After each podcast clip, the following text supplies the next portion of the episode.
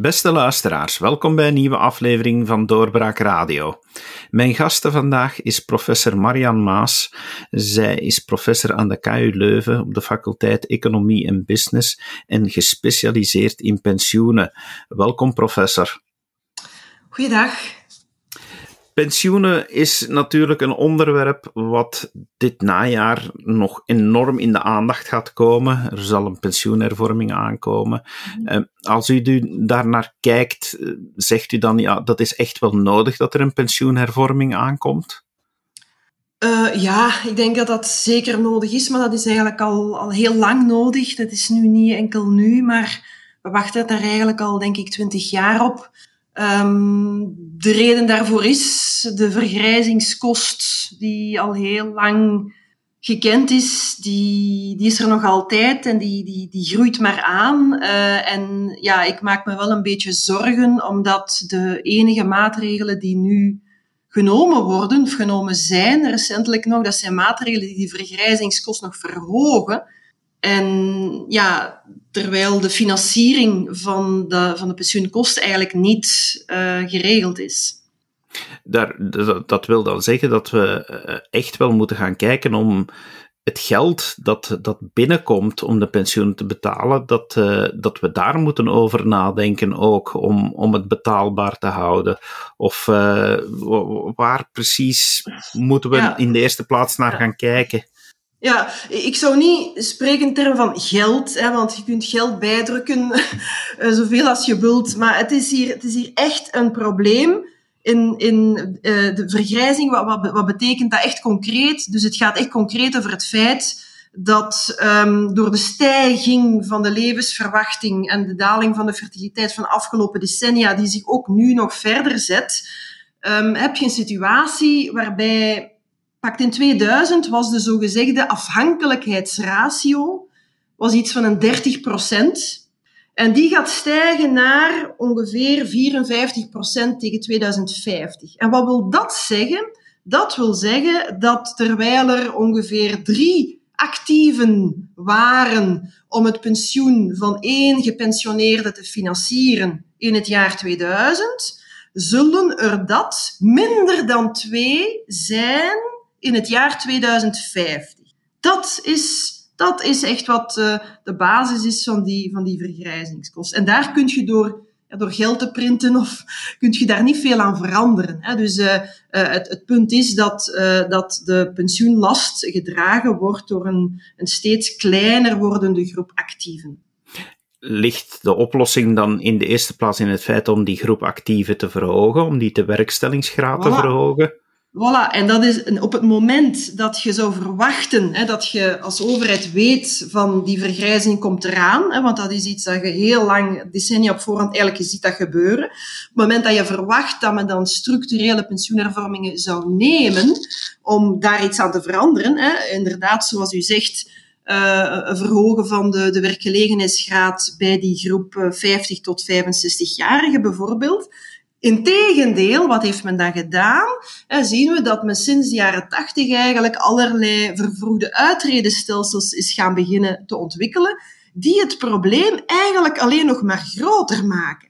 Ja, dus, uh, dus enerzijds had je puur het demografische issue. Eh, mensen leven langer en er is, en er is een beetje een daling in fertiliteit. Maar daarnaast eh, zien we dat sinds de jaren 70, 80, eh, dus uh, eh, naar aanleiding van die, die grote werkloosheid op, op dat moment, dat men verkeerdelijk de beslissing heeft genomen, uh, we gaan de jongerenwerkloosheid doen dalen uh, door, de, door de vervroegde pensionering in te voeren voor de 50-plussers. En, en, en, en dat is een, echt een fout geweest, denk ik, maar dat heeft het probleem nog verergerd. Hè. Zeker in België is dat zo. In België zaten we op een gegeven moment, en dat was in 1996 het dieptepunt, zou ik zeggen, met een effectieve, effectieve uitredenleeftijd voor vrouwen van iets van een 54 jaar en bij mannen 57 jaar. Dus dat wil zeggen dat is de gemiddelde leeftijd waarop men stopt met werken. Dus uh, zoals u juist zegt, hè, je zegt de oplossing zou het dan niet zijn om de, de werking te vergroten. Maar wat we gezien hebben is eigenlijk dat echt in die periode het eigenlijk nog verergerd is door de ontwikkeling van allerlei vergoede uitredenstelsels die maken dat wij nog vroeger zijn uitgetreden hè, dan al het geval was. En dat maakt, uh, dat maakt het probleem van de vergrijzingskost ook nog groter. Op welke leeftijd ligt dat nu gemiddeld, die uitreding? Nu is dat ondertussen wel gestegen. Hè? Dus sinds, eh, je ziet dat sinds het jaar 2000 is dat wel beginnen stijgen. En we zitten nu rond iets van een, rond de 60,5 jaar ongeveer. Maar dat, dat verschilt afhankelijk van of je de data van de OESO e neemt of, of Eurostat, zie je daar wel, wel, wel, wel wat verschillen op. Maar het punt is, um, ook andere landen hebben uh, sinds 2000 uh, pensioenhervormingen ondernomen, maar veel een veel hoger tempo en met veel meer intensiteit en diepgang dan wij hebben gedaan. En je ziet dat, uh, dat onze ook al is onze effectieve uitredenleeftijd inderdaad gestegen hè, van, van, van 57 jaar naar iets van een 60,5 vandaag, dat in andere landen uh, de gemiddelde uitredenleeftijd rond de 64, 65 jaar ligt. En dat is dan gemiddeld. Ja? En dan spreek ik ook bijvoorbeeld over landen als, als, als Nederland, uh, Duitsland, uh, Zweden, Noorwegen, UK, allez, noem maar op. dat, is, dat is de gemiddelde uitredenleeftijd. Dus wij bengelen daar eigenlijk uh, nog altijd achteraan. En dus, ja. Wat hebben die andere landen dan gedaan om dat effectiever aan te pakken? Waar, waar zijn zij beter in? Ja, ze hebben, het, ze hebben een aantal, denk ik, toch ja, moeilijke beslissingen genomen. In het begin van het jaar 2000 zie je toch in heel wat landen dat er op dat moment ja, een verhoging van de pensioenleeftijd um, werd doorgevoerd. Dus Allee, dus het, het, verhogen bijvoorbeeld van de normale, de wettelijke pensioenleeftijd, hè, die in België van 65 naar 67 zal worden opgetrokken in 2030. Ja, dat is eigenlijk in al die landen al lang gebeurd. Hè. Dus we zijn daar eigenlijk wel een beetje, ja, we, we bengelen daar echt wel achteraan. Ik, ik ken, ken eigenlijk bijna geen, misschien, ja, er zijn, ja, dus de, de meeste landen in de EU hebben nu al een pensioenleeftijd van, van 66, 67, de wettelijke leeftijd. Dus, maar dat is één ding. Maar daarnaast hebben die, heb je ook uiteraard alles wat ervoor gebeurt. Hè. Um, geef je ouderen gewoon voldoende incentives om langer te werken. Hè? En dat gaat dan helemaal niet alleen over het pensioenstelsel. Dat gaat ook over zaken zoals brugpensioen, ouderenwerkloosheid. In België hebben wij lange tijd brugpensioen gekend. Men noemt dat vandaag SWT. In Nederland was dat bijvoorbeeld ziekte, invaliditeit. Daar zag je dat in de jaren negentig heel wat mensen um, de arbeidsmarkt verlieten via um, ziekte. Uh, en ja, dat, dat speelde eigenlijk uh, de rol een beetje van het brugpensioen dat wij hebben. Nederland heeft wel die ziekteregeling um, ja, serieus hervormd, hè, begin van de jaren 2000. En ziet daar ook wel de, de, de vruchten van, denk ik. Andere landen, zoals bijvoorbeeld Oostenrijk uh, en Duitsland, ja, die hadden uh, in plaats van een, een soort brugpensioen, hadden die oudere werkloosheid. Hè? En, en, en, en ja, daar zag je dat men voorafgaandelijk aan het pensioen in een systeem van oudere werkloosheid stapte. Maar men heeft de oudere werkloosheid, Duitsland heeft een werkloosheidssysteem heel erg hervormd. Ik denk dat dat in 2003 was, hè, of 2004 met de hartshervormingen en ja, daar zie je ook eh, dat dat heel erg heeft meegespeeld in het verhogen van die effectieve uitredenleeftijd. Als dus ik het dan zo hoor, dan wil het ook zeggen dat men niet enkel en alleen naar pensioenstelsels moet kijken en naar vergeef me als ik het zo noem, eenvoudige oplossingen als de pensioenleeftijd verhogen, maar dat men ook rekening moet houden met alle andere vormen waarop men kan uittreden. Want als je de ene deur sluit en de andere openlaat, ja, dan, dan krijg je gewoon een verschuiving. Absoluut, absoluut, inderdaad. En ja, dat is iets, ik ben er nu zelf ook mee bezig nog met een, een onderzoek. Dus ja, wat je bijvoorbeeld ook ziet uh, als men de, de normale, dus de wettelijke pensioenleeftijd verhoogt, um, ja, dan moet je er echt wel op letten. Ja, heb je dan, gaan die mensen dan spontaan appliceren voor uh, disability of voor ouderenwerkloosheid? En we zien dat dat in heel veel landen zo is. Hè? Dus we kunnen daar wel uit leren. En we zien in heel wat landen, en bijvoorbeeld in, in Oostenrijk heeft men dat gezien, het optrekken van die wettelijke leeftijd, dat ging samen met een enorme, ja, een, toch wel een verhoging van de oudere werkloosheid. Dus dat, dat communicerende vateneffect, dat is wel degelijk gekend. Dus inderdaad, als je een pensioenhervorming onderneemt en je wil dat die effectief het effect heeft dat je, dat je ja, te behalen, hè, een hogere uitredenleven, dan moet je inderdaad echt ook kijken naar uh, ja, zaken zoals hè, reïntegratie van de langdurig zieken, uh, activering en, en monitoring en begeleiding van, van werklozen. Hè. Dus dat is ook niet zo evident, mensen van boven 50, om die, die, die nooit hebben moeten solliciteren, om die terug naar een job te begeleiden. Dus daar moet je inderdaad ook wel, wel wat investeren als overheid om dat mogelijk te maken. Hè. Ja. En over pensioenhervormingen wordt nu al, al echt lang gesproken. Regering na regering is er een minister van pensioenen en hoor je van dat die, uh, hij of zij wel met een hervorming zal komen. Het begint nu ook weer uh, te gonzen in, in de geruchtenmolen in de wedstraat dat er dit najaar iets zou moeten komen. Stel nu dat u minister van pensioenen bent. Welk plan van aanpak zou u voorstellen? Ja, ik denk, ja, ik zou, um, ik zou, het zou, zou, zou een globaal, zou een globaal plan moeten zijn. Hè, zo effectief op verschillende, verschillende domeinen moeten, moeten werken. Maar ik denk inderdaad um, ja, dat we, waar we nog heel veel marge hebben, is uh, wat betreft vervroegde pensioen, binnen het pensioenstelsel. Hè. In België kan je op pensioen gaan tussen 60 en 65. Hè. Heb je een, een een, uh, ja, we noemen dat een window, een, een interval. Hè. Je, er zijn mensen die op 60 gaan, 61, 62, en er zijn er niet op. En dus, maar daar heb je echt helemaal geen enkele incentive om je opnameleeftijd uit te stellen. Dus daar heb je eigenlijk echt iets van, als ik het kan, als ik kan stoppen, dan, dan, zou ik, dan zal ik ook best stoppen. Hè. En daar denk ik, daar zou je de nodige incentives moeten inbouwen, zoals men dat in heel veel andere landen ook al heel lang doet. We noemen dat actuariële correcties, om ja, vervroegde pensionering um, ja, uh, te ontmoedigen. Maar tegelijkertijd, die brugpensioenen, ouderwerkloosheid, reïntegratie, langdurig zieken, kan een heel mooi verhaal zijn. Um, maar ja, je moet dat dus niet enkel als een pensioenhervorming bekijken. Eh, um, ik zou ja, die activering van de werklozen, ik zou dat wel heel ernstig nemen. Ik zou dat ook als een investering bekijken. Um, reïntegratie langdurig zieken, dat denk ik is ook echt een investering in mensen. Dat is een positief verhaal. Dat moet ook zo geschreven worden.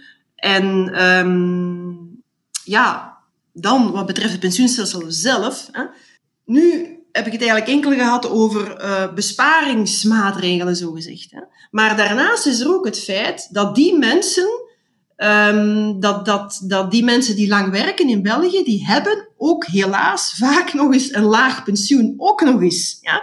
Uh, en daar zou ik zeker iets aan veranderen. Dus het pensioen vandaag is ook helemaal geen sociale verzekering meer, wat het vroeger wel was. En dat vind ik bijzonder jammer. Hè dat men eigenlijk, als je het beleid kijkt van de afgelopen decennia, uh, men heeft er, het lijkt alsof men ernaar gestreefd heeft van, kijk, dat iedereen toch maar zo snel mogelijk kan gaan. Maar men, ik denk dat je eerder moet kijken, want ja, we willen dat de mensen, als ze gepensioneerd zijn, ook een deftige levensstandaard hebben. En ik denk dat er toch wel een consensus is bij, bij pensioeneconomen ja, dat, dat de, de, de meest billijke manier van pensioenhervorming is, probeer de mensen die langer kunnen werken, ertoe te brengen om langer te werken. Maar zorg dan ook dat ze dan wel degelijk een deftige levensstandaard hebben. En dat is iets wat ik ook zeker, hè, want het moet een, eh, positief... Dat, dat is wat ik denk ik echt heel wat belang aan zou hechten.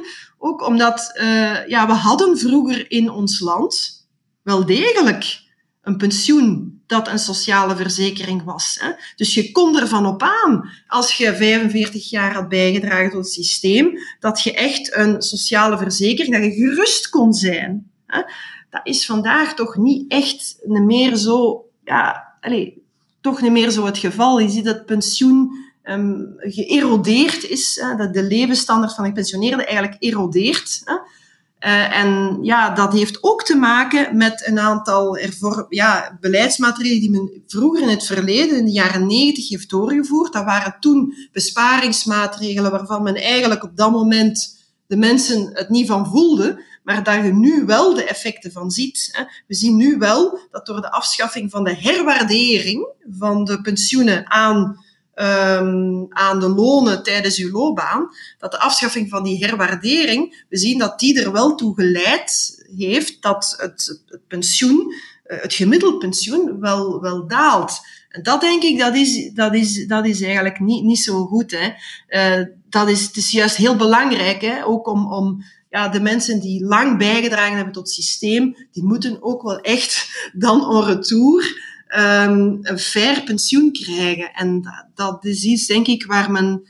Ja, dus door nu vandaag dat, die idee te lanceren van, van een minimumpensioen van 1500 euro, dat is niet waar ik dat is, dat is niet die, oplossing. Hè. Dus ik bedoel echt um, ja, een, een, een vervangingsratio, een, een levensstandaard, een sociale verzekering voor iedereen. Ja. Zoals u zegt, sleutel element eigenlijk in de oplossing is mensen meer aan het werk krijgen in, in alle vormen. Uh, dus niet enkel langer, uh, maar, maar ook in alle andere stelsels daar aandacht voor hebben. Maar als we effectief kijken naar dat langer werken, dat is voor iedereen toch wel verschillend. In het ene beroep lukt dat nu eenmaal makkelijker dan het andere. Uh, hoe moet men dat dan eigenlijk aanpakken om, om daar differentiatie in mogelijk te maken? Ja, absoluut. Ja, inderdaad.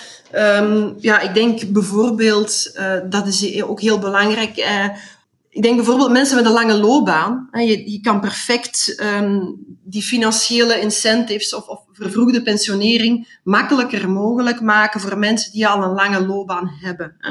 En dat zijn typisch hè, mensen met een lange loopbaan, dat zijn typisch mensen die weinig gestudeerd hebben, die vroeg in de arbeidsmarkt zijn getreden. Bijvoorbeeld mensen die op 18 jaar en, en, en, of op 16 jaar zijn beginnen werken, ja, die hebben uiteraard uh, op 60 jaar hebben die, hebben die een hele loopbaan achter de rug.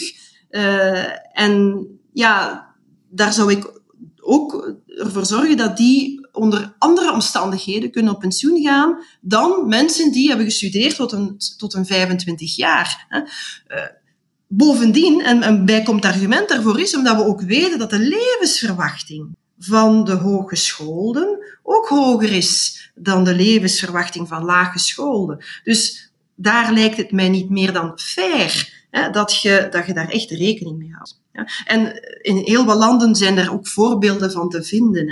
Hè. Bijvoorbeeld in Duitsland en in Frankrijk, waar men voor lange loopbanen um, soepelere regels voorziet, binnen het pensioenstelsel echt, hè, uh, dan, dan voor uh, lange loopbanen. Ja, ik denk dat dat heel belangrijk is, ja. Als men nu er niet in slaagt om op korte termijn echte hervormingen te gaan doorvoeren, wanneer gaat het dan echt beginnen ontsporen? Wanneer, want eh, nu, nu heeft iedereen zoiets, ja, het is nog ver van mijn bed, uh, maar hoe dichtbij mm. is de ontsporing eigenlijk? Nee, de ontsporing is bezig. Hè, dus we zitten er middenin. Dus het is niet meer van het is over vijf jaar, of het is nu echt uh, eh, 1,5 miljard per jaar erbovenop. Hè. Dus dat is de gewone vergrijzingskost, maar dat is nu nog hoger omdat men heeft, ja, eigenlijk een beslissing heeft genomen van de minimumpensioenen en de correctiecoëfficiënt voor de zelfstandigen om die af te schaffen en, en die minimumpensioenen verhogen. Dus alleen normaal gezien was de, zitten, we zitten nu echt in het midden denk ik van, ja, we zitten er echt middenin in de, in, in, ja, waar we het effect gaan voelen van de vergrijzing op onze jaarlijkse begroting, hè, om het zo te zeggen.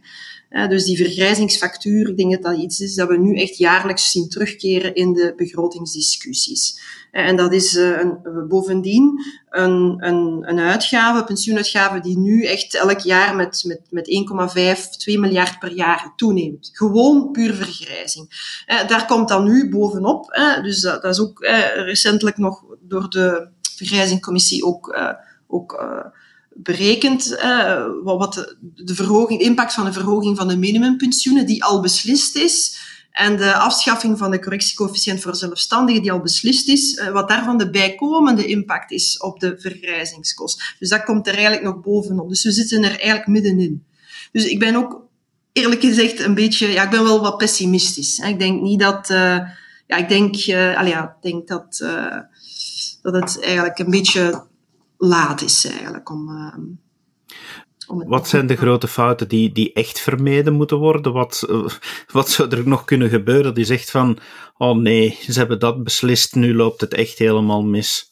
Ja, ik, ik vond het spijtig dat, dat men eigenlijk al ja, die, die verhoging van de minimumpensioenen en de afschaffing van die correctiecoëfficiënt zelfstandigen, dat men dat heeft beslist zonder dat men dat heeft ingebed in een grondige pensioenhervorming. Dat vind ik echt heel spijtig. Hè, want uh, ja, er zijn wel een aantal zaken die moeten gebeuren die, die minder populair zijn.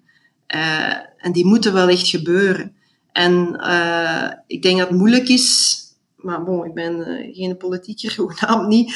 Maar ik denk dat het moeilijk is om dan, ja, om dan, om nu, ja, die moeilijke, die moeilijke zaken, ja, te beslissen. Hè, terwijl je eerst al wel degelijk beslissing hebt genomen en uitgevoerd van kijk, we gaan een aantal, uh, ja, genereuze zaken toestaan die niet gefinancierd zijn. Dus dat vind ik heel, heel jammer. Dus je ziet ook dat dat, dat wordt geraamd op een bijkomende, een, een meerkost van 0,9% van het bbp. En dat, dat, zegt u misschien niet veel, maar dus de vergrijzingskost, maar de vergrijzingskost gewoon uh, uh, zonder die verhoogde minimumpensioenen en um, uh, correcties en zelfstandigen, die kwam iets uit zonder, hè, die, die, die, komt uit van een 4% van het BBP. Als je dan weet dat die nu, ja, die is 5,2% van het BBP, ja, dan weet je dat eigenlijk hè, die, die beslissing van, hè, die, die dit jaar genomen is van de verhoging van de minimumpensioen en en zelfstandigen, dat dat eigenlijk wel heel zwaar doorweegt. En dan vind ik dat wel, wel jammer, hè. Want men had dat eigenlijk uh, in één pakket kunnen steken, samen met maatregelen die de vergrijzingskost uh, modereren. Is er nog een oplossing mogelijk? Ziet u nog mogelijkheden waarvan u zegt, ja, als we echt grondig gaan hervormen, dan moeten we nu niet panikeren. Het is nog oplosbaar. Ja, komt eigenlijk, komen eigenlijk een beetje in een situatie van uh, ja, de schade beperken. Hè? ik bedoel, de, de, de, de, oplossing die de meest billijke is, is uh, denk ik, ja, zoals men in heel veel landen ook heeft gedaan, echt inzetten op het uh, ernstig verhogen van de werkgelegenheidsgraad tussen 50 en 65 jaar. Ja, dat hebben we niet gedaan. Uh, en die, die papiboom, ja, die, die, die gaat ook met pensioen. En de papiboom, ja, wat was dat? Dat was de babyboom van na de, na de Tweede Wereldoorlog. Ja, die mensen zijn ondertussen ook 60 jaar, uh, 65. Allee, dus, ja, dus die, zijn, die gaan nu eigenlijk echt met pensioen. En dat is spijtig dat je daar niet van, ja, dat je dat niet hebt geëxploiteerd. Hè, die, want die massa die is op pensioen, maar die, die, die zijn natuurlijk nog, die papiboom is op pensioen en die leven nog uiteraard nog, nog 20 jaar. Hè. Uh, dus dat is een gemiste kans en die komt natuurlijk niet terug. Hè. Je kunt niet, kunt niet zeggen over, over uh, over vijf jaar aan, aan iemand die 70 jaar is. Ah, we hebben ons vergist. Uh, ja, we, moeten, toch langer werken. Hè? Nu, nu, weten we het. Hè? Kom, nog maar. Dat gaat natuurlijk niet meer eens weg. Dat is gedaan. Dus dat is het bij pensioenhervormingen. Dus zo, het is voorbij. Hè? Terwijl natuurlijk uh, bij andere takken in de sociale zekerheid is dat iets heel anders. Bijvoorbeeld bij bij gezondheidszorg of bij werkloosheid. Je kan altijd uh, hervormen en vanaf nu en, en begint het nieuwe systeem en na twee jaar zit het op kruissnelheid. Hè? Voilà. Maar dat is bij pensioenen niet, niet echt mogelijk. Hè? Ik bedoel, er is een uh, once, uh, een een, eenmalige opportuniteit. En ja, bedoel, ja, die, die, het, inzetten op langer werken is natuurlijk iets dat, dat minder, minder een, eh, een optie wordt die, die, die voldoende is om het probleem op te lossen. Een behoorlijke uitdaging dus, en langer werken en meer mensen uh, ja, aan de basis krijgen om het pensioenstelsel betaalbaar te houden. Uh, dat, uh, dat is gewoon nodig, leer ik uit, uit ons gesprek. er zullen dus nog wel belangrijke hervormingen moeten komen. Professor Maas, dank u wel dat u de tijd hebt genomen om dat even duidelijk te maken. Ja, graag gedaan. Graag gedaan. Dankjewel voor de uitnodiging. En beste luisteraar, u hoort het. Ik zal nog lang aan het werk blijven om deze podcast te blijven maken. Zo zal ik ook een deel van de oplossing zijn. Dank u wel om te luisteren en graag tot de volgende keer. Dag. Dit was een episode van Doorbraak Radio, de podcast van doorbraak.be. Volg onze podcast op doorbraak.be/radio of via Apple Podcasts, Overcast of Spotify. Bezoek ook onze website op doorbraak.be en steun ons door een vriend te worden van Doorbraak.